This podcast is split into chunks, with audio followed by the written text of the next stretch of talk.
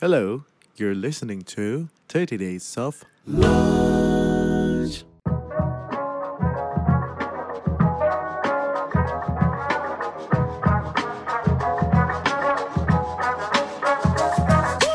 kita suka miskonsepsi bahwa waktu kita sibuk kita menjadi pekerja yang baik kayak berasa udah achievement waktu lagi disuruh sama bos. Nanya kenapa bos? Ujungnya bukan untuk nge-defense tapi the purpose is to get understanding. When you get understanding you get clarity.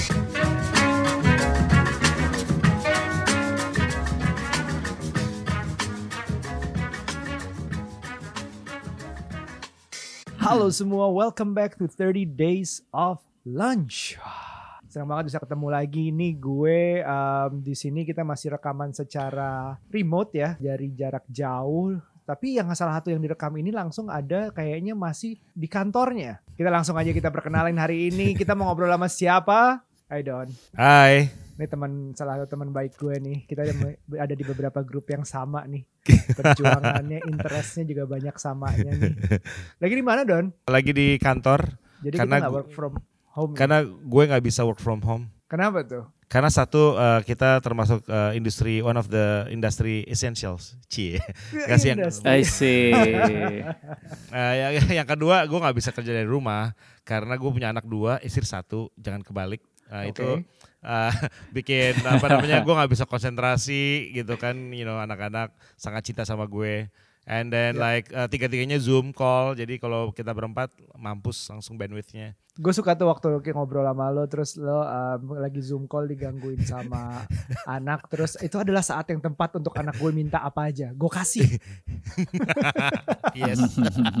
ada Ruby lo di sini gue nggak sendiri kayaknya Ruby uh, say hi dulu mungkin Eh, halo teman-teman semua, thank you udah support terus podcast ini. Hari ini kita akan belajar apa, Don?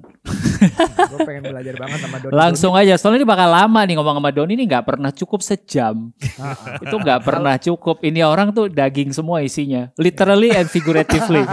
eh, gue udah lari, gue udah lari loh. Ini ini ini otot bro. Jie. Otot ya, daging Oh, iya, makanya gue bener, bener bilang. juga, iya, bener, daging, bener. Iya, bukan lemak bro. Iya, iya, Iya. iya. Teman-teman, salah satu alasan gue sangat excited ngobrol sama Doni adalah Doni has been around for a while di kehidupan kita. gue kenal Doni dari saat pertama kali gue tahu passion Hmm. eh, sampai akhirnya Doni membuat sebuah startup yang fokus gimana caranya supaya orang-orang bisa bekerja sesuai passionnya dan bisa perform dengan luar biasa gitu.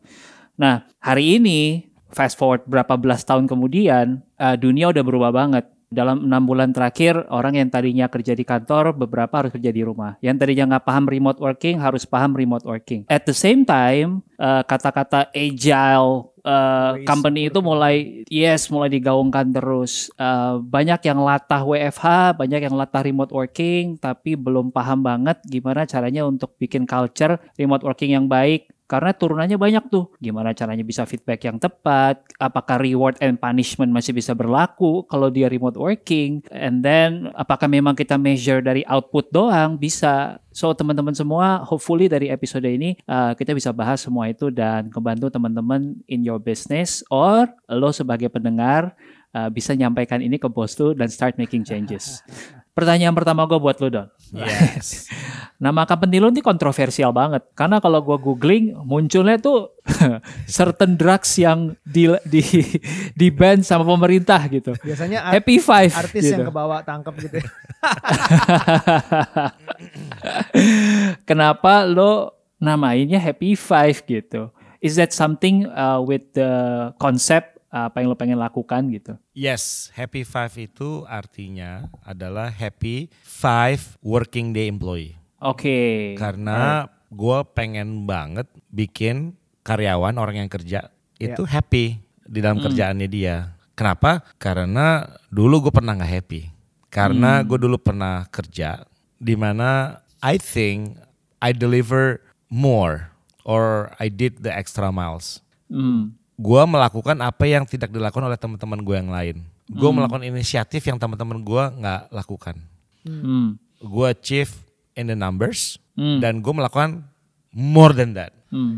Tapi yang dipromot yang lain. yang lebih safe, yang less rebel. Atau kenal. Hmm. Semuanya kenal semua, tapi Jalur dalam. semuanya juga jalur dalam CFC. Lebih jago menjilat. No no no enggak. I guess ini ini ini it's a, it's a good company. Tapi apa yang mereka lihat, ini kan ngomongin culture. Apa yang mereka Ya. lihat, apa yang mereka hargai itu berbeda. Sehingga mereka mungkin menghargai conformity. Jadi yang lebih mirip Uh, dan dan impact innovations extra mile itu something yang less appreciated. Sehingga gua berasa kayak oh shit man gitu. Gue udah keren-keren. Banyak orang yang bilang gue keren. uh, I'm doing a breakthrough here. Tapi yang dipromot yang safe player. Right? Ya, ya. Dan itu yang bikin gue cabut ke perusahaan lain. Hmm. That's it man. Itu itu itu nggak pakai lama, nggak pakai lama. Hmm. Dan dan imagine orang happy karyawan itu sebenarnya bukan karena dia naik gaji loh. Karena naik gaji itu happinessnya cuma sebentar. Hmm. Misalnya, wah gue naik gaji nih eh, 20%. Boom. Nah hari itu dia terima gaji pertama dia naik 20%. Itu ultimate happinessnya dia. That's it. Dan biasanya hari itu juga habis 20 persennya itu ya. Oh, Untuk 120 traktir. persen bro, langsung. 120% Dia langsung, habis. langsung beli mobil yang dia nggak bisa afford langsung. Karena dia asumsi dia naik lagi gitu kan. Yeah. The- but the point is uh, happiness bukan karena lo uh, dapat gaji yang apa namanya yang naik gitu karena cuma Growing terus. karena itu cuma cuma sementara doang. Tapi happiness yang essentials adalah satu. Kalau misalnya saya sebagai karyawan bisa memberikan dampak yang clear, I was part of something bigger in this company. Hmm. Jadi my purpose itu dapat banget di perusahaan ini. Hmm. Bahwa kehadiran gue di perusahaan ini benar-benar Iya. menjawab tantangan yang ada di perusahaan ini. Sehingga orang tuh merasa impactnya dan kontribusinya dihargai. Again, I was part of something bigger dan gue tau banget gue kontribusi di mana. Dan dan lo direcognize, diakui. Iya lo bro, Doni lo emang keren banget di sini sini sini sini sini sini sini. Bukan cuma basi doang bilang lo keren. Hmm. Akibatnya apa? Banyak orang yang kerja udah nggak jelas dia di expect apa. Udah nggak jelas sebenarnya nih tujuan gede perusahaan ini apa. Nggak jelas bagaimana dia ngasih kontribusinya dan dia tidak dihargai. Terus kerjaannya banyak banget. Terus dia questioning the, the, the works kayak gue ngapain kerjaan ini sih? Kayak emang ujungnya apa sih? Dia nggak dijelasin. No clarity, no recognitions. Sehingga yang akibatnya dia bisa kerja sampai jam 11 malam. Hmm. Yang udah kerja keras, sialnya burnout. I see. Burnout itu gini, dan burnout itu kadang-kadang ya, itu lo bisa lo kerja sampai jam 5 sore, pulang tenggo, and then lo burnout. Hmm. Karena burnout itu beda dengan lo capek kerja. Eh, lo capek kerja tuh yang capek lo eh, ini lo lo punya pikiran, otak lo dihabisin. Burnout itu capek hati. ya kan? Ya kan? Burnout itu capek hati dan yang habis apa? Tadi kan gue bilang yang habis perasaan lu kan. Nah, perasaan perasaan kita tuh kayak tabungan tiap hari, tiap pagi lu punya tabungannya nih 100 nih, 100%. Ya kan? Kadang-kadang sampai akhir hari bisa lebih naik lagi tuh. Eh, Kenapa kalau misalnya lu tadi again kerja, kerja keras and then like lu bisa ngelihat impact di dalam perusahaan yang lu lakukan ya nggak sih? Dan Yeah. lu lu direcognize lu merasa kayak wow kayak wow this is gua nih I meant something right? Ya nah, nah terus tapi kalau misalnya enggak ya kan lu pulang ke rumah gitu eh, tabungan lu 100% bisa ambles tuh minus tuh ya kan? Lu punya tabungan perasaan lo ya kan? Waktu lagi bos lu nggak menghargai lu nggak punya clarity lu nggak ngerti nggak ngerti lu growing apa enggak Uh, dan lu di reject terus idenya, lu nggak pernah didengar, Hmm. lu pulang ke rumah nih, ya kan, ketemu sama istri sama anak-anak lo, lu nggak punya sisa tabungan atau sisa margin di perasaan lo yang lo bisa lo kasih kepada mereka, yang mereka sebenarnya butuh banget. So that's why gue berpikir gimana caranya gue bikin karyawan lebih happy dengan cara tadi, bahwa gue membantu perusahaan untuk bisa bikin clarity. Gue mau bikin project apa yang sesuai dengan prioritas perusahaan. Dan semuanya dapat understanding yang sama. Dan waktu dia ngelakuin itu dia dapat recognitions dan reward dan akhirnya juga naik gaji right? Dan dia berasa Yeah, kayak yeah. I feel gua I feel so much uh, better. Dan imagine if gue bisa nge-scale ini maka dari I itu gue build software ya kan karena kalau gue bisa memberikan dampak kepada satu ayah Hmm. actually gue nggak member, eh, gua memberikan nama kepada dua tiga orang yang lain, which is istri dan Keluarga. anak-anaknya. Cuman yang yang buat gue menarik uh, buat di relate ke teman-teman yang ngedengerin adalah mungkin teman-teman di sini adalah karyawan juga yang ngerasain kehabisan tabungan perasaan tadi. Atau mungkin lu di sisi manajer yang boro-boro gue mikirin tabungan perasaan lu, tabungan perasaan gue juga habis. Apalagi di naik lagi dia di level business owner.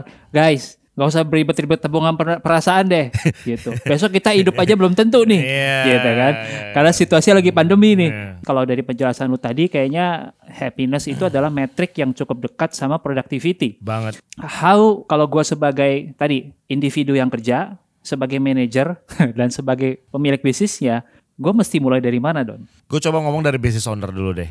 Oke, Kuncinya ada di business owner. Nomor satu adalah, of course, ini kita ngomongin surviving. Gimana cara Iya. kita bisa survive. Oke. Uh, dan itu is a different context lagi ya. Ya kan, Hmm. kita harus memper- uh, melakukan apa saja yang kita harus lakukan untuk bisa survive. Hmm. Nah, untuk bisa survive karena pandemic ini, situasi keadaan makro, bisnis, market berubah, regulation berubah, opportunity Yeah. berubah. Banyak Yeah. banyak customers yang mungkin mengurangi budget, tapi ada juga yang certain segmen yang justru naikin budgetnya Hmm. ya kan Eh, di situ business owner pastinya akan memiliki strategi yang berbeda nih untuk Hmm, menghadapi hmm, pandemi ini isunya yang kebanyakan gue lihat bukan di strateginya Hmm. isunya adalah di komunikasinya Hmm. apakah business owner ini secara efektif telah mengkomunikasikan target barunya objektif barunya dan cara barunya atau strateginya kepada seluruh karyawan dengan benar making sure bahwa semua orang itu ngerti apa yang menjadi prioritas dan fokus dari perusahaannya saat ini. Ceknya gampang kalau misalnya lu punya 100 orang karyawan, lu cek aja 20 orang lu tanyain. Lu tahu nggak di masa pandemik ini fokus dari perusahaan kita apa? Itu tuh nomor satu. Hmm.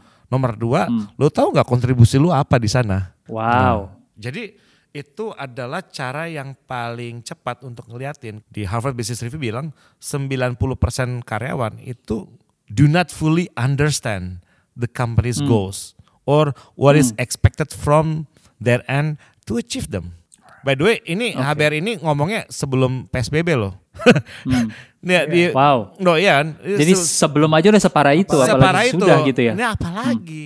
Jadi justru over communicating dengan segala macam cara, mau pakai zoom tiap kali dan sebagainya, Eh, dengan menuliskan di di di WA kepada semuanya, itu jadi sangat powerful banget dan dan Hmm. kan lagi stres banget, mungkin mereka gajinya juga di, lagi ada yang di cut, ada yang di deferred, dan sebagian temannya ada yang dipecat bahkan, right? Ya. Nah, justru is even more sekarang nih. Kalau misalnya business owner memberikan direction yang clear dan strategi yang clear, si karyawan ini ataupun manajernya bisa memberikan eh, mendesain, merancang program, produk, inisiatif yang bisa mendukung fokus dari si perusahaannya. Nah, pentingnya apa gini? Karena mereka ngerti bigger picture-nya dan mereka bisa lihat gue ini bisa kasih impact di mana nih untuk gue punya company survivability dari perusahaan gue. Karena waktu orang di involve Ya. untuk bikin decision making, Ya. misalnya ini strategi gue gini, menurut lo gimana? Lo bebas deh menentukan caranya gimana, the how-nya. Hmm. The what itu atau target itu fokusnya si bos, si business owner. The how itu urusannya manajer dan tim. Hmm. Sehingga mereka waktu lagi oke di masa pandemic gue mesti begini, mesti begini, yang penting target kayak gini. Itu amazing man, engagement dari karyawan. Karena dia merasa feel belong. Bukan top down, bukan disuruh what to do kayak oke lu mesti gini, lu mesti gini, udah udah gaji dipotong sebagian, lu sampai ngurusin namanya micromanaging. Micromanaging tuh artinya lu ngurusin ke prosesnya, caranya, lu yang ngatur semuanya. Bukan fokus kepada outcome. Padahal tadi proses diserahkan kepada tim. And I guess itu uh, portions yang bisa dilakukan oleh business, owner. Oke. Nah, juga portions yang dilakukan oleh tadi uh, again sih, I'm not saying like apa yang harus dilakukan oleh si karyawan, ya buat gue terus terang there's a little things yang bisa dilakukan oleh si karyawan karena kan di luar daripada kontrol eh, karyawannya, tapi the best that I can eh, I can give the perspective buat tim adalah selalu nanya. Waktu lagi disuruh sama bos, nanya, "Kenapa, Bos?" Nah, itu. Jadi ini satu hal yang bisa dikontrol sama manajer dan tim adalah get understanding. Jangan goblok. Jangan goblok tuh gini. Lu disuruh apa? Oke. Disuruh apa? Oke. Tanpa lu ngerti Kenapa? Oke. kenapanya. You know, ini yang paling goblok nih analogi yang juga paling goblok nih. ya. Lu disuruh untuk bersihin kaca nih, ya kan? Diajarin, lu mesti muter ke kiri tiga kali, muter ke kanan tiga kali, pakai pakai eh, alatnya yang kayak gimana. Terus lu ikutin aja ya, oke, gue tiga kali ke kiri, tiga kali ke kanan, pakai pel yang ini. Terus hasilnya nggak bagus. Terus lu lu bilang kayak, tapi kan gue udah ngelakuin apa yang disuruh. Terus lu lihat ini masih kotor, bos lu marah dong. Maksud Iya. gua kan yang penting bersih gimana pun caranya. Tadi gua ka- gua kasih ide aja, terserah lu gimana caranya. Now, nggak banyak business owner ataupun the bosses yang bisa kasih clarity di depan.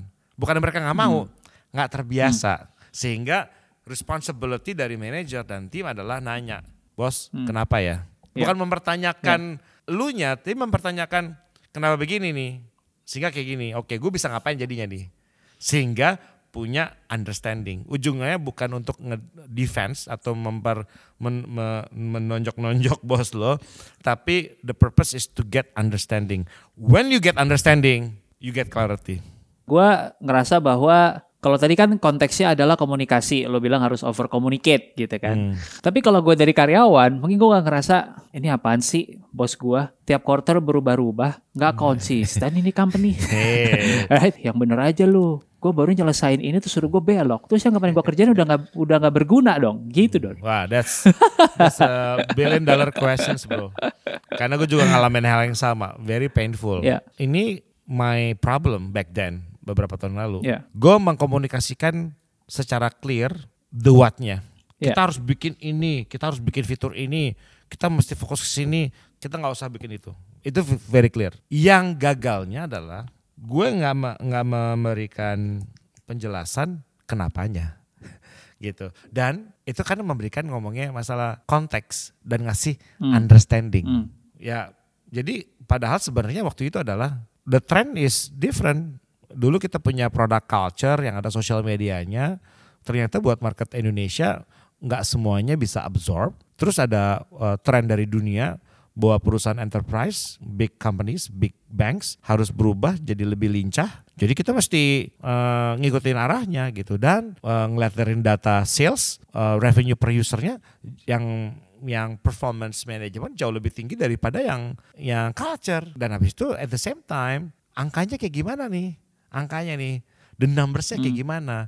Kan kita semua kan punya mission. We have a missions ya kan? V- a very big missions happy five. Tapi missions itu bisa di bisa berjalan kalau ada duitnya. Untuk gaji lu semua untuk nge-skill semuanya. Jadi kalau misalnya kita ngerjain ini ya kan walaupun kayak berubah tapi apakah tadi apakah kita tetap masih melakukan sesuai dengan mission kita? Enggak? Jadi again be flexible on the how. Dan itu yang gue belajar. Sehingga waktu lagi gue belajar tentang tentang how-nya jadi gue punya CTO sekarang udah ngomongnya juga udah ngomongin duit. Jadi kayak ini berapa duit nih? Gitu. Jadi karena sama nih ya kan? Untuk kita bisa survive, untuk kita bisa scale, untuk kita bisa carry on our mission kita harus punya underlying yang sama nih. Sehingga gue nggak berantem nih sama orang produk. Gue Oke. berantemnya sama orang produk. Karena Oke. nih lu rese banget sih lu. Karena apa yang gue lihat di market gue nggak menyampaikan sepenuhnya kepada mereka. Hmm. jadi gue assume mereka ngerti Jadi adjustmentnya lo kalau gua ngelihat adalah eh, lo mengclarify why-nya, how-nya gimana terserah lo, Hmm. eh, what-nya tapi dipastikan supaya eh, sama, which is apa yang lo lakukan ya harus ada kontribusi ke revenue tadi gitu ya. contohnya begitu yes Don, gimana kita tahu orang itu doing the right thing, monitoring secara tepat? Ada zaman dulu mungkin di old ways, yang penting tuh niatnya, cie. Yang penting gila, tuh, gila gila gila gila gila gila yang penting itu udah usaha. yang dari situ kan kita ngelihat outputnya. Jadi gimana kita menyelaraskan antara misalnya dia udah doing the right thing, tapi kok outcome-nya masih kurang, gitu loh. Gimana cara kita monitor dan gimana cara kita give feedback? di banyak perusahaan di Indonesia atau mungkin di Southeast Asia mereka punya uh, proses yang namanya performance management. Hmm. Di mana salah satu komponennya adalah perusahaan membuat KPI selama setahun. KPI itu Key Performance Indicator. Tujuan kita setahun apa? Tapi yang gagal dilihat dari dari kacamata gue nih, nggak ada strateginya di sana. It's just bunch of numbers, it's just bunch of KPIs. Oke. Nah, waktu misalnya gue lihat tuh eh, di PowerPoint, itu kan ada di PowerPoint tuh. Gue nanya, ini gimana caranya bos untuk mencapai ke sini ya? Dan dijawabnya dengan framework. Oh kita punya framework, framework tuh nggak lo yang ada kotak-kotak, bulat-bulat lah segala macam. Pokoknya konsultan pakai itu semua lah gitu kan. Hmm. Pokoknya bikin supaya harganya justify berapa ratus juta atau miliar. And then like you throw a bunch of framework. Tapi sebenarnya kan gini, kita mau simple-simple aja deh gitu.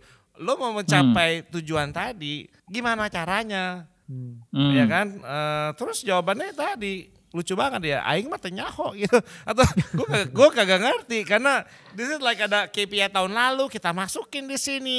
So gue banyak belajar dari advisor-advisor gue jadi advisornya Happy Five tuh banyak ex bosses dari Google di Mountain View. Salah satunya pernah ngelit eh, HR-nya Google for 10 years. Namanya eh, Les Lobok. Gue beruntung banget bisa belajar sama dia nih dan gue ada Nelson Matos dan Randy Netflix itu juga the other the other executives uh, in Google yang gue banyak belajar filosofinya. Gimana sih mereka tetap uh, agile and yet so big. Mereka punya ada 180 ribu karyawan. Jadi ada konsep ini bro. Namanya OKR singkatannya Objective and Key Results. Alright. ini adalah framework bagaimana caranya bikin goals yang pretty popular yang membantu perusahaan-perusahaan untuk bisa mengimplementasikan strateginya. Ini membantu banyak orang di dalam organisasi untuk bisa fokus apa yang penting, fokus on matters, fokus apa kepada yang menjadi prioritasnya dan punya ability secara terus-menerus untuk bisa mengukur progress.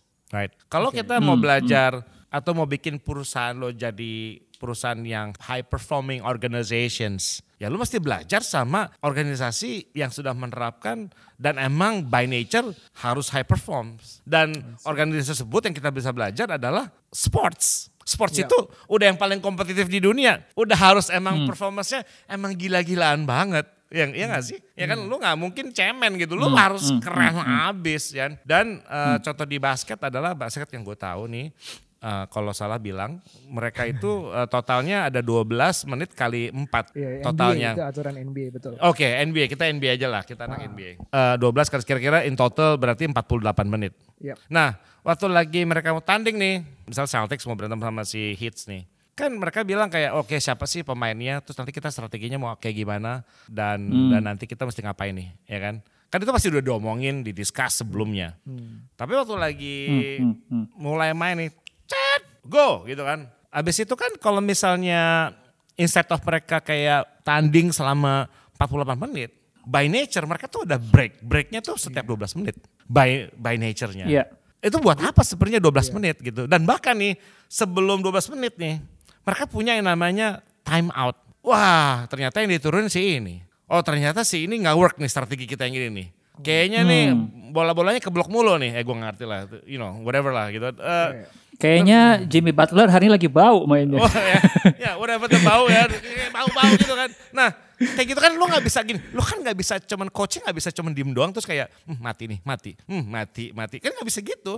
Dia mesti berhenti. Bukan penonton ya, bukan penonton. si coach ini kan ngelihat something is wrong dan dia tahu gimana Ya. caranya dan akhirnya dia stop.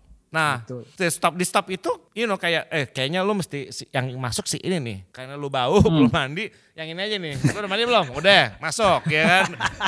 Terus strateginya kita yang penting empat empatnya ngeblok aja, nggak usah nyerang gitu. Pokoknya I don't know, right? Ini yang gue belajar dari Golden State Warrior yang gue tahu. Jadi ini Woi. waktu lagi masa-masa jayanya di paruh waktu yang kedua, dia punya videographer, punya beberapa videographer sama video editor. Ya. Dan ada beberapa asisten coach yang akan ngelihat nih kalau si Anu nge-shoot and then nggak bener dan segala macem asisnya kurang oke, dia langsung bilang capture, pulin semuanya.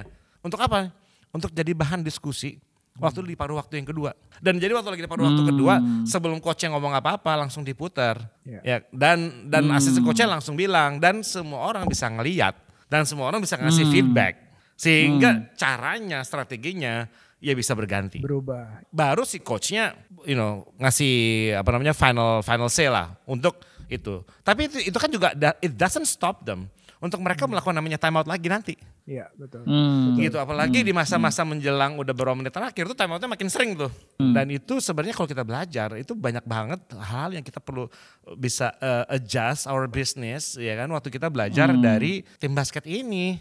Jadi yang namanya objektif remain the same. Tapi yang namanya uh, strategi dan tactics ya harus bisa adapt terhadap situasi yang ada. Itu yang menjadikan kenapa company-company besar, teknologi yang besar nih bisa mengalahkan company-company yang tradisional karena Hmm. mereka benar-benar sangat lincah dan adaptif untuk melihat market and opportunity dan yang lainnya tetap Oke. stuck sama ya ini cara kita kayak gini ya begini aja terus nih. Ya, ya, ya. There's a couple of things yang kita bisa belajar There's a lot of things. gitu ya. Nah, one of them is uh, fokus fokus kepada outcome bukan fokus kepada output. Apa bedanya tuh Don? Nah, ini ini juga sumber mata malapetaka bagi banyak organisasi uh, apalagi again sebelum PSBB apalagi PSBB. Output itu adalah aktivitas. Output itu adalah aku bikin 10 proposal. Aku ketemu 50 orang untuk aku coba jual. Outcome adalah hasil atau result. Contohnya sales. Kalau di basket ya points. Alright. Output itu adalah berapa banyak assist dan segala macam all the numbers. Tapi ujung-ujungnya adalah berapa points. Kita suka terjebak yang namanya output. Kenapa? Output itu lebih gampang untuk kita manage. Output itu kayak gue ketemu 50 orang, 30 orang. Dan kita suka sa- salah miskonsepsi bahwa waktu kita sibuk, kita menjadi orang yang baik atau pekerja yang baik. Sibuk apa? Sibuk menjadi the masters of task list. Kita punya punya a lot of apps task, task master, task list, whatever. Right. Terus kita kita bikin aja kita punya task. Terus kita kayaknya happy banget if by the end of the day kita the crossings all the tasks. Tapi yang gitu achieve kayak berasa udah achievement. Tapi ya kan itu kan baru task doang. Kalau apa pun misalnya gini, kalau udah ketemu sama 50 orang, 100 orang, terus lu nggak ada sales yang lu close hari ini, ya sami mawon. Lu kan digaji bukan untuk ketemu sama 100 orang dan bertemu sama 100 orang, bukan. Betul. Lo ketemu sama dua orang juga nggak apa-apa, asal you can bring the sales. Nah kebanyakan kita terjebak dengan, wah gue udah ngelakuin yang banyak, ya kan? Yang gue belajar dari Netflix, ada bahannya di internet di SlideShare, Netflix culture. Mereka itu culture-nya menghargai yang namanya impact, bukan kerja keras. Ya, gini, jangan don't get me wrong, kayak ya udah gue nggak usah kerja keras, itu beda. Karena mereka akan menghargai orang yang kerjanya nggak terlalu keras, tapi dia bisa memberikan impact yang besar terhadap organisasinya. Karena dan again kita punya another misconceptions bahwa if we are being busy, we are being good, itu karena kita ngerjain lot of things. Karena kita nggak pernah belajar untuk berpikir. Kita jarang banget diajar untuk berpikir, rethinking.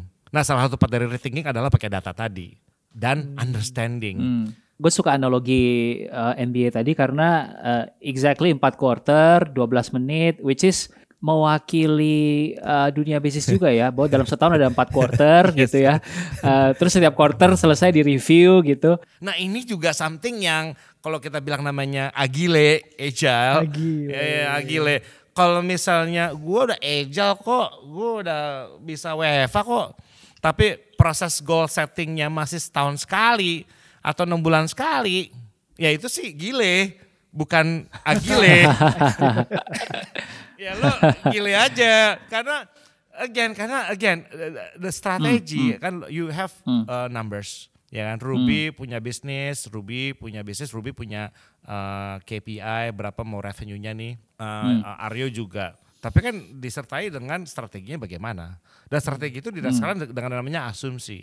Asumsi itu kan asumsi emang ada customer uh, market Indonesia kayak gimana, customernya kayak gimana, orang mau beli nggak, orang ada duit nggak dan sebagainya. Nah sebelum PSBB aja nih, asumsi aja udah banyak yang bisa berubah sehingga company segede Google yang punya karyawan 180 ribu, dia itu bikin uh, goal settingnya dilihatnya itu per quarter. Dia punya setahun, tapi di reviewnya per quarter Oke. per tiga bulan. Bener gak sih nih? Gitu apa pun yang kita lakukan, kita punya program, project, kita punya activity, kita punya inisiatif. Bener gak sih ini ngedrive numbers yang kita pengen? Karena kalau tidak, ya udah kita ganti. Karena Hmm. yang namanya strategi, eh, yang turunannya ada banyak macam-macam produk, eh, inisiatif dan sebagainya, itu kan bukan kartu mati, itu kan bukan setting in stone. Hmm. Di mana yang namanya agile itu ya lincah, fleksibel. Hmm. Ya kan ada famously si Jeff Bezos bilang lu harus punya uh, goal yang very clear ya kan Uh, dan lu kekeh di sana tapi lu harus fleksibel di caranya. Dan ini yang yang I guess kata-kata agile yang lebih pas adaptive, fleksibel, Iya. lincah. Itu kata-kata yang lebih yang lebih pas. Tiba-tiba nih Don, misalnya nih Jimmy Butler dari Heat mainnya jelek banget nih. Wah gila bau banget lu mainnya gitu. Iya. Right, which is ya kayak kita lagi di kantor, kita punya tim yang kita tahu mungkin wah ini kacau nih nggak perform nih gitu. Atau since kita lagi ngomongin performance, ya kita ketemu tim yang gila nih nggak perform gitu. Tapi gue juga ngalamin situasi di mana eh, dengan eh, tim gue yang makin lama makin muda, ini makin sulit nih untuk ngasih feedback ya. Entah kenapa karena generasi ini lebih baperan atau mungkin guanya yang terlalu condong ke arahnya Netflix dengan radical candornya dia gitu. Contohnya gimana Bi? Uh, Bisa diterangkan nggak? Cie, susahnya Iya. gimana ayo dong. Be more specifics nih. Mungkin kayak gini nih, misalnya nih ya.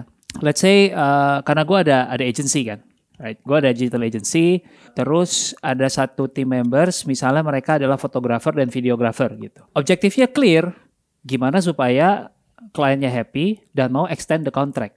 Nah, key resultnya untuk bisa nyampe ke sana adalah fotonya, kontennya harus punya engagement yang baik ketika nanti di post. Good, good. That's a good key results, yes. Uh. Gampang dong. Hmm. Lu bisa menganggap foto lu bagus banget, lu bisa menganggap video lu keren banget, tapi ketika di posting, engagementnya kalau nggak mewakili, ya kan? Then menurut gua lu belum perform. Oke. Nah, soal output versus outcome tadi kan. Nah, jadi waktu kita sampein, ya kan? Kalau gue bisa dengan simple, eh gua nggak ada bad feeling sama lo, tapi lu nggak perform, so you have to do something about it. Nah, buat mereka untuk di feedback seperti itu nggak bisa don. Tapi kan videonya udah bagus. Ini memenuhi standar-standar dunia loh, Hmm. gitu, right? Nah, itu yang menurut gua sulit tuh. Karena gini, kalau kita salah memberikan feedback, itu lebih buruk daripada kita nggak usah ngasih feedback sama sekali. Oke, Ah. oke. Ini ini ini benar-benar kayak, tapi kan gue udah kasih feedback, ya kan? Hmm. Misalnya tadi contohnya nih, gue ngasih feedback ke lu ya Bi. Tadi kan lu bilang Ya. kayak, ya lu kan eh, foto lu walaupun menurut lu bagus, tapi nggak driving any numbers yang kita agree sebelumnya. Ya, Ya. you gotta do something about it. Hmm. Nah, you gotta do something about it itu yang bikin orang frustasi. ya lo lo pikir lah cara lo lo lo pikir lah ya serah gimana caranya lo juga balik kayak right it's not helping like lo aja no kayak tadi kita balik lagi ke ke Celtics sama Hits lo goblok lo kagak bisa masukin three points. Ya, lo atur atur lah gimana caranya. Kan nggak gitu lah bro. You know what I mean? Ya. Ya, gini gini. Oke. Gini, yes, gini. Pertama kita mesti fix dan kita mesti dapat understanding dari dua-duanya untuk apa yang di expect dari dia. Ini namanya managing expectations. Dari cerita lu aja nih, Bi, gue bisa ngelihat bahwa expectationsnya lu itu tidak dimengerti sama dia. Enggak kok, foto gue bagus menurut standar ini, ini, ini. Berarti at the beginning dia mulai kerjaannya, Yang dia apa kagak ngerti apa yang dia expect sama lo. Dia nggak punya, nggak fully grasp. Karena harusnya, iya nih bener, gue emang miss the target.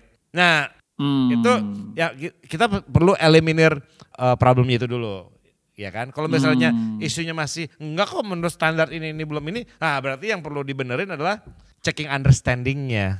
Checking understanding tuh se- segampang, oke, gue udah bilangin ya, key results lo adalah setiap foto harus ada berapa view.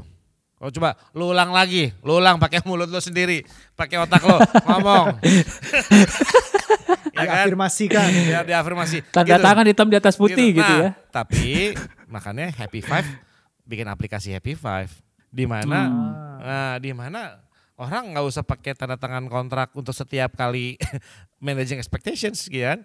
You put it on the apps, lu masukin Ya. eh, targetnya apa, siapa yang menjadi owner dari goalsnya dan siapa yang akan mereview dan dua-duanya melihat hal yang sama. Jadi kalau misalnya lo macam-macam lo ngeliat, nah lo sendiri yang bikin gimana sih tong gitu kan? Hmm. Lo gimana Hmm, sih tong hmm, nih? Lo lihat dong dari sini dong, Hmm, right? hmm. Nah, Yeah. that's one. Yang kedua, yes, outcome itu yang ultimate-nya. Tapi kan Hmm. proses itu kan ya ya gini, yang kita coach itu bukan coach outcome-nya. Yang kita coach Hmm. itu prosesnya. Hmm. That's our role as a leader, as a manager Hmm. to coach Hmm. on the process. Ya kan? Gini, Hmm. kalau proses ini nggak benar, harusnya gimana? Jadi yang namanya feedback yang bagus itu tuh mesti konstruktif.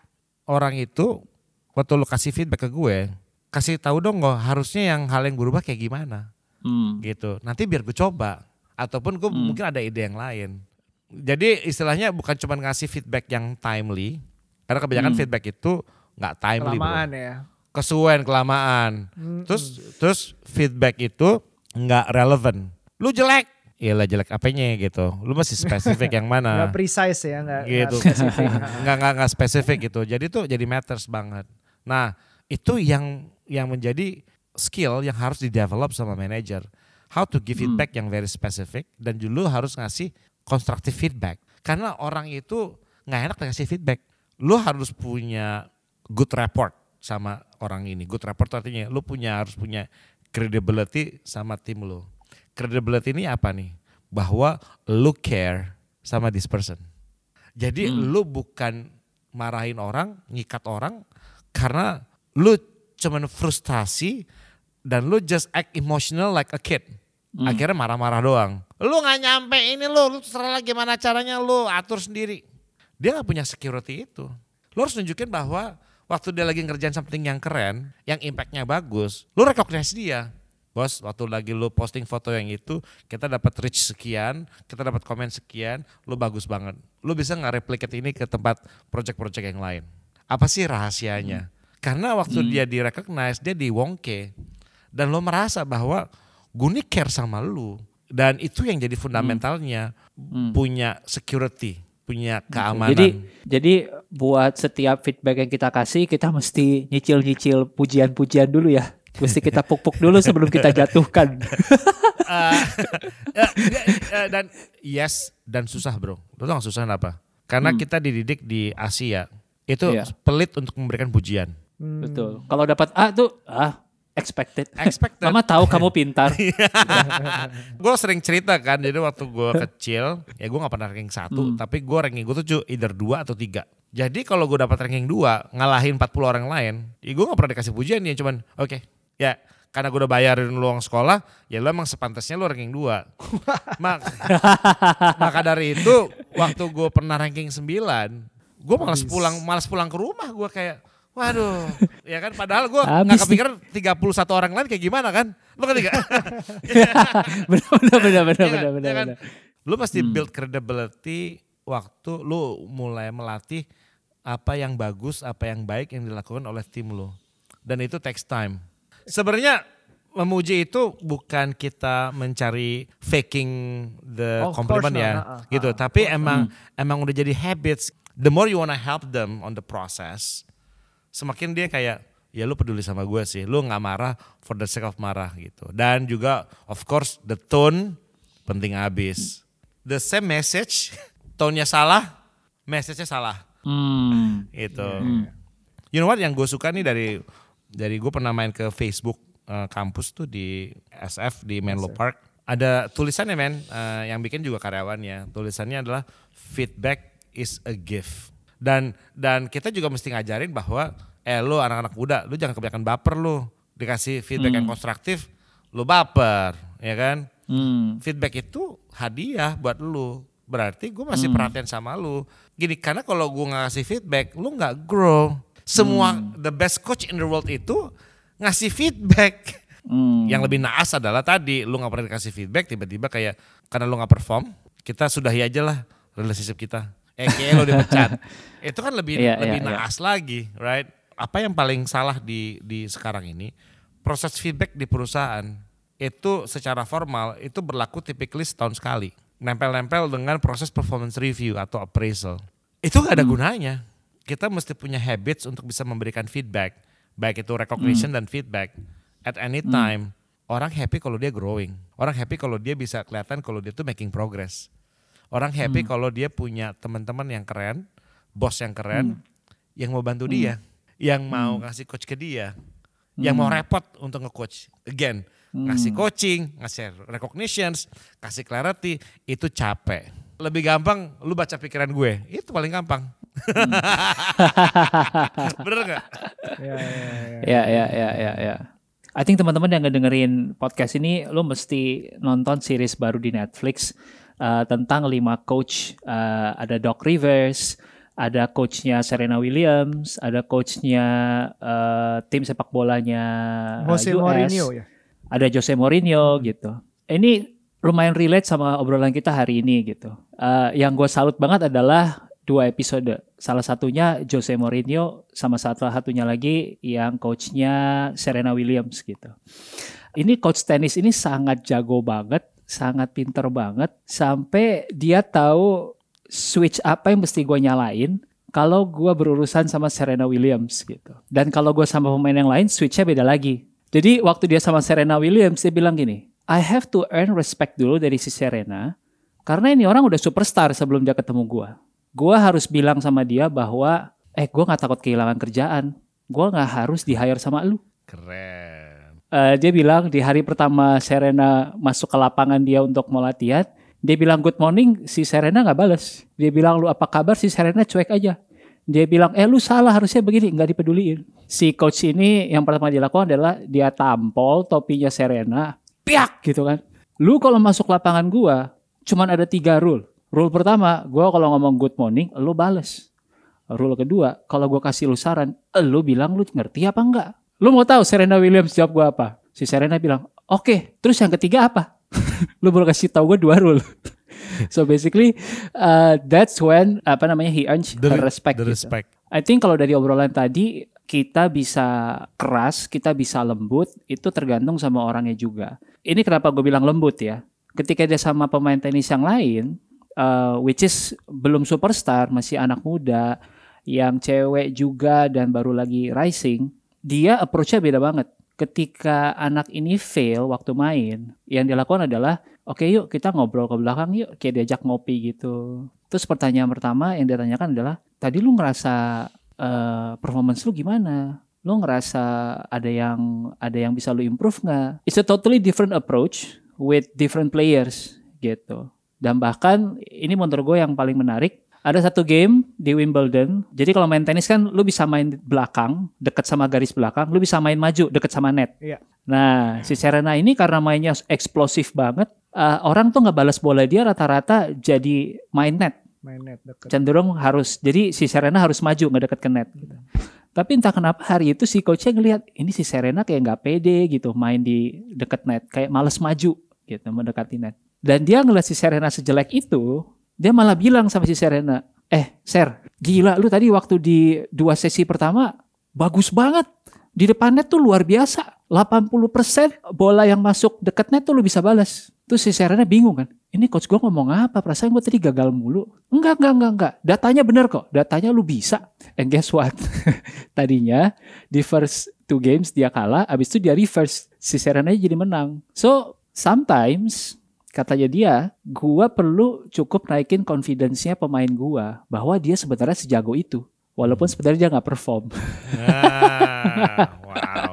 That's a good feedback. Menging- That's a good feedback. Jadi I think uh, going back to this adalah pertanyaan gua Don. There are so many different ways to humanize feedback, to humanize reward, to humanize uh, performance. Karena ujung-ujungnya kita dealing sama human. How Happy Five bisa ngebantu humanize itu. Sementara kita ngomongin software, kita ngomongin 100 orang, 1000 orang. Two things yang dilakukan oleh Happy Five.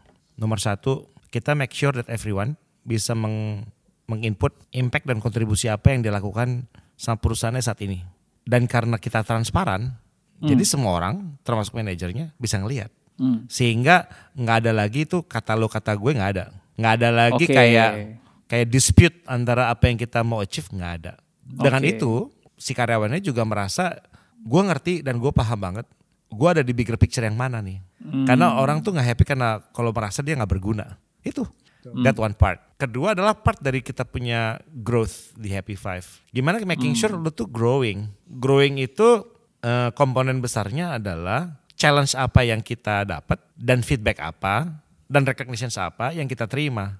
Di mana feedback tadi tuh ya macam-macam kan, coaching dan segala macam, all the details, right? Nah, kebanyakan eh, feedback yang dilakukan biasanya adalah tadi dikumpulin setahun sekali terus ditanyain. Karena orang nggak punya memori untuk bisa menghafal apa yang terjadi dalam setahun terakhir. Di dalam Happy Five tuh lo bisa bikin goal nggak cuma setahunan tapi yang bisa quarterly atau bahkan yang juga yang mingguan atau yang harian. Nah, setiap kali lo bikin kan ada selesainya. Nah, selesainya tuh ketahuan tuh impactnya kayak gimana. Itu langsung nge-trigger kepada yang nge-review kerjaannya. Eh, score itu adalah eh, expectations, either like almost meet expectations atau ini nggak meet any expectations atau ini meet expectation atau exceed my expectations. Karena itu kata-kata yang lebih lebih human lagi. Ini bukan yang gue expect dan dan feedbacknya apa. Jadi ada constructive feedback yang embedded ke sana dan lu nggak perlu kayak 10 skill yang harus lu review per milestones. Ya ribet juga manusia nggak kayak gitu juga gitu, right? Sehingga nanti kalau waktu lagi lu ada enam bulan performance review yang enam bulan atau yang setahun, semua feedback-feedback yang terjadi di selama setahun terakhir itu ke capture semua. Jadi ini data driven. Jadi orang gini, orang merasa secure kalau aku melakukan Hmm. impact ini kecatat. Jadi perusahaan bisa ngedrive performance karena bisa making sure ini orang-orang pada ngerjain hal-hal yang matters nggak sih? Hmm. Atau jangan jangan dia cuman copy paste dari KPI tahun lalu atau pura-pura masukin tes yang Hmm. banyak banget. Hmm, hmm, hmm. Karena buat kita nggak matters tuh. Karena mm, banyak orang yang nanya, Doni di sini kita bisa mengukur productivity dari jumlah workload nggak? Karena buat gue it's the wrong questions. It's Iya, not buat about the workload, banyak-banyak ya. tapi the impact. Jangan sampai lu workloadnya lu tambah-tambahin, lu mengada-ada dengan project yang yang ya menurut lo bikin sibuk aja gitu. Tapi is it driving the impact to our company? Mungkin enggak. Gue dulu bikin punya perusahaan yang uh, basically a sales agent. Jadi sales sales gue itu udah ada kayak targetnya, angka lah, udah jelas lah. Lo harus making segini dengan kapasitas segini, lo bisa segini, bla bla bla. Itu angka jelas. So performance is mostly determined by that, by that numbers. Tapi gimana sih Don kalau yang divisi-divisi lain, gimana cara Happy Five itu bisa ngebantu ini ngasih feedback bahwa oh he's performing pertama ngasih indikatornya dulu itu apa sampai akhirnya ngasih tahu dia tuh perform Nah ini aplikasi ini kan netral. Jadi isi di luar tanggung jawab penerbit Oke. gitu. Jadi karena karena yang lo omongin itu adalah kontennya nih. Ah, Tapi jangan berdasarkan khawatir. pengalaman Ya, berdasarkan ya, ya pengalaman betul. ah. Nah ya, nah tapi jangan khawatir karena Indonesia ini gue masih ngelihat banyak banget opportunity di mana ternyata gue nggak selling software di, di Indonesia. Di sini gue selling bagaimana caranya bekerja yang yang lebih baru. Namanya agile ways of working tadi nih Ah. gitu. Nah, misalnya buat HR nih, contohnya gini nih, kayak misalnya kayak gue nanya kepada orang HR, lo tahu nggak prioritas dari perusahaan apa? Misalnya, oh kita mau bikin produk baru nih, kita mau bikin uh, inisiatif baru. Terus pertanyaan adalah gini, bagaimana HR bisa menolong hal tersebut? oke Apa kontribusi HR misalnya, oke kalau gitu ya, gue butuh 10 engineers. Gue akan cari lo the best engineers, quality-nya kayak begini. Gue akan begini. Jadi gue biasanya gue bimbing kepada HR, uh, bukan sales. Gimana caranya sih mikirin impact dan kontribusi HR terhadap perusahaan. Nomor satu, HR harus tahu apa prioritas dari perusahaan. Misalnya, oh gue mau ngeluncurin produk baru nih untuk ningkatin revenue by X numbers. Tapi untuk produk ini kita butuh orang semacam ini, butuh berapa banyak. Dan sebagai HR yang bagus, dia punya objective and key results-nya adalah oke, gue akan deliver nggak cuman numbersnya 10 orang doang, tapi 10 orang eh, engineers dengan kualifikasi yang seperti ini. Itu yang jadi yang jadi eh, real OKR contributions buat mereka. Ataupun yang kedua nih contohnya nih, gue mau making sure bahwa seluruh karyawan di tempat gue happy. Tapi karena gue tahu happy itu, apa yang membuat mereka happy itu bisa beda-beda. Jadi let's say mereka ngukur lah dari awal tahun terus ke akhir tahun. Dari situ kan bisa ketahuan apa yang area yang paling kurang nih dari perusahaannya. Sehingga mereka bikin program untuk mengisi gap expectations di karyawan di perusahaannya. Dan semuanya ini bicara tentang numbers, bicara tentang quality, bicara tentang strategi. Tadi misalnya, gue mau meningkatkan engagements dari karyawan. Ukur dulu pakai engagement survey. X berapa persen. Kebanyakan perusahaan cuman ngukur di sini aja. Tapi dia nggak masukin gimana caranya ya yang tadinya di awal tahun 5%, gue mau ningkatin jadi 10% nih di akhir tahun. Caranya mesti dimasukkan di situ namanya strategi. Terus nanti setiap quarter dihitung bener nggak nih apa yang gue udah lakukan, yang kita sudah lakukan program-programnya naik nggak? Nah kalau misalnya dalam satu quarter diukur lagi oh 10% terus uh, apa namanya tetap 10% nggak ada kenaikan berarti ada yang miss nih di dalam strategi dan taktik kita.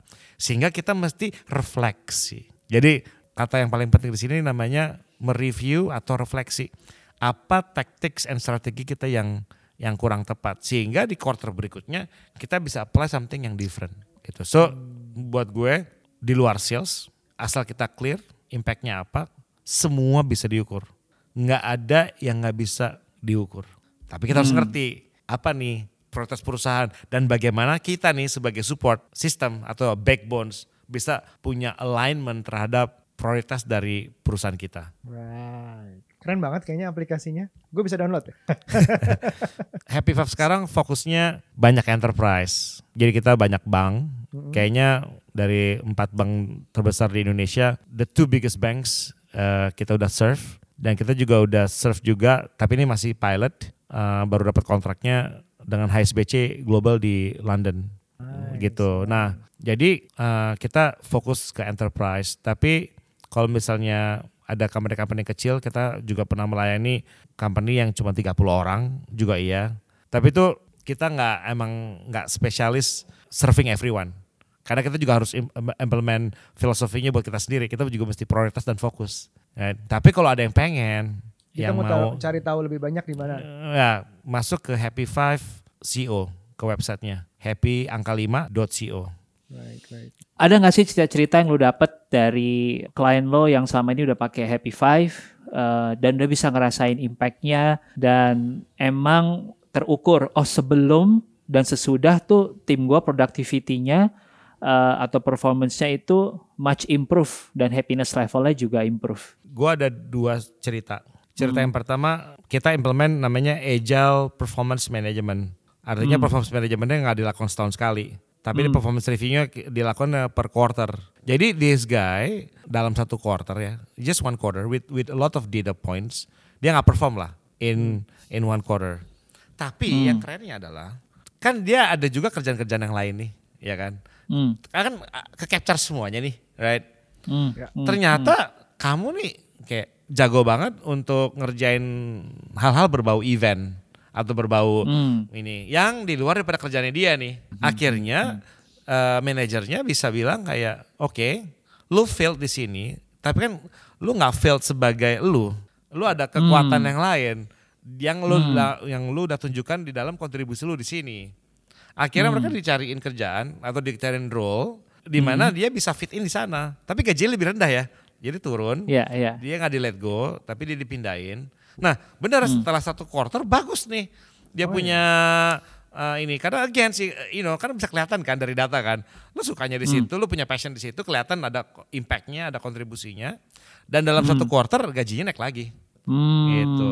So that's that's that's wow. the wow. buat gua gini, itu kan bikin happy ya. Waktu lu merasa lu bukan failure. Lu merasa kayak uh, gua ada kontribusinya. Gue clear kontribusi gue di mana. Another story-nya yang lain adalah tapi ini lebih kepada uh, perspektif manajemen. Uh, This is uh, in one bank. Hmm, direkturnya nih punya kesulitan untuk ngeliatin apakah strateginya dia ini benar-benar progresnya tereksekusi baik sampai ke bawah. Ya. We're talking about huge bank.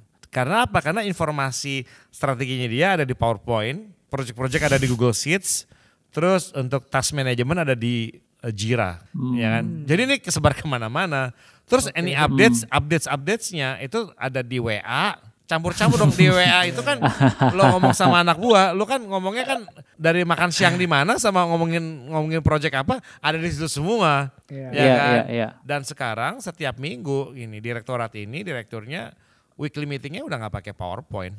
Dia Hmm. ngeliatin dari kita dan akhirnya dia bilang kayak, wow ternyata gue banyak bolongnya ya.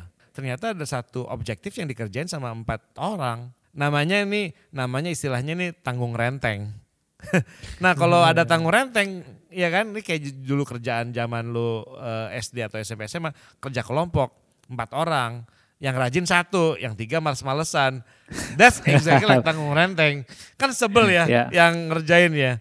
Karena ini baru berapa bulan, kita belum bisa ngeliatin eh, eh, berapa productivity-nya, tapi superpower yang kita kasih adalah visibility. Now you can see. Sebelumnya nggak kelihatan. Nah kalau nggak kelihatan, kalau lo nggak ada MRI, lo nggak tahu bagian mana yang salah dalam tubuh lo Hmm. to begin with. Itu. So Hmm. so I guess that's uh, another things yang nggak usah ngomongin productivity. Kalau lo blind, lo buta dan lo nggak punya visibility, lo mau improve apa?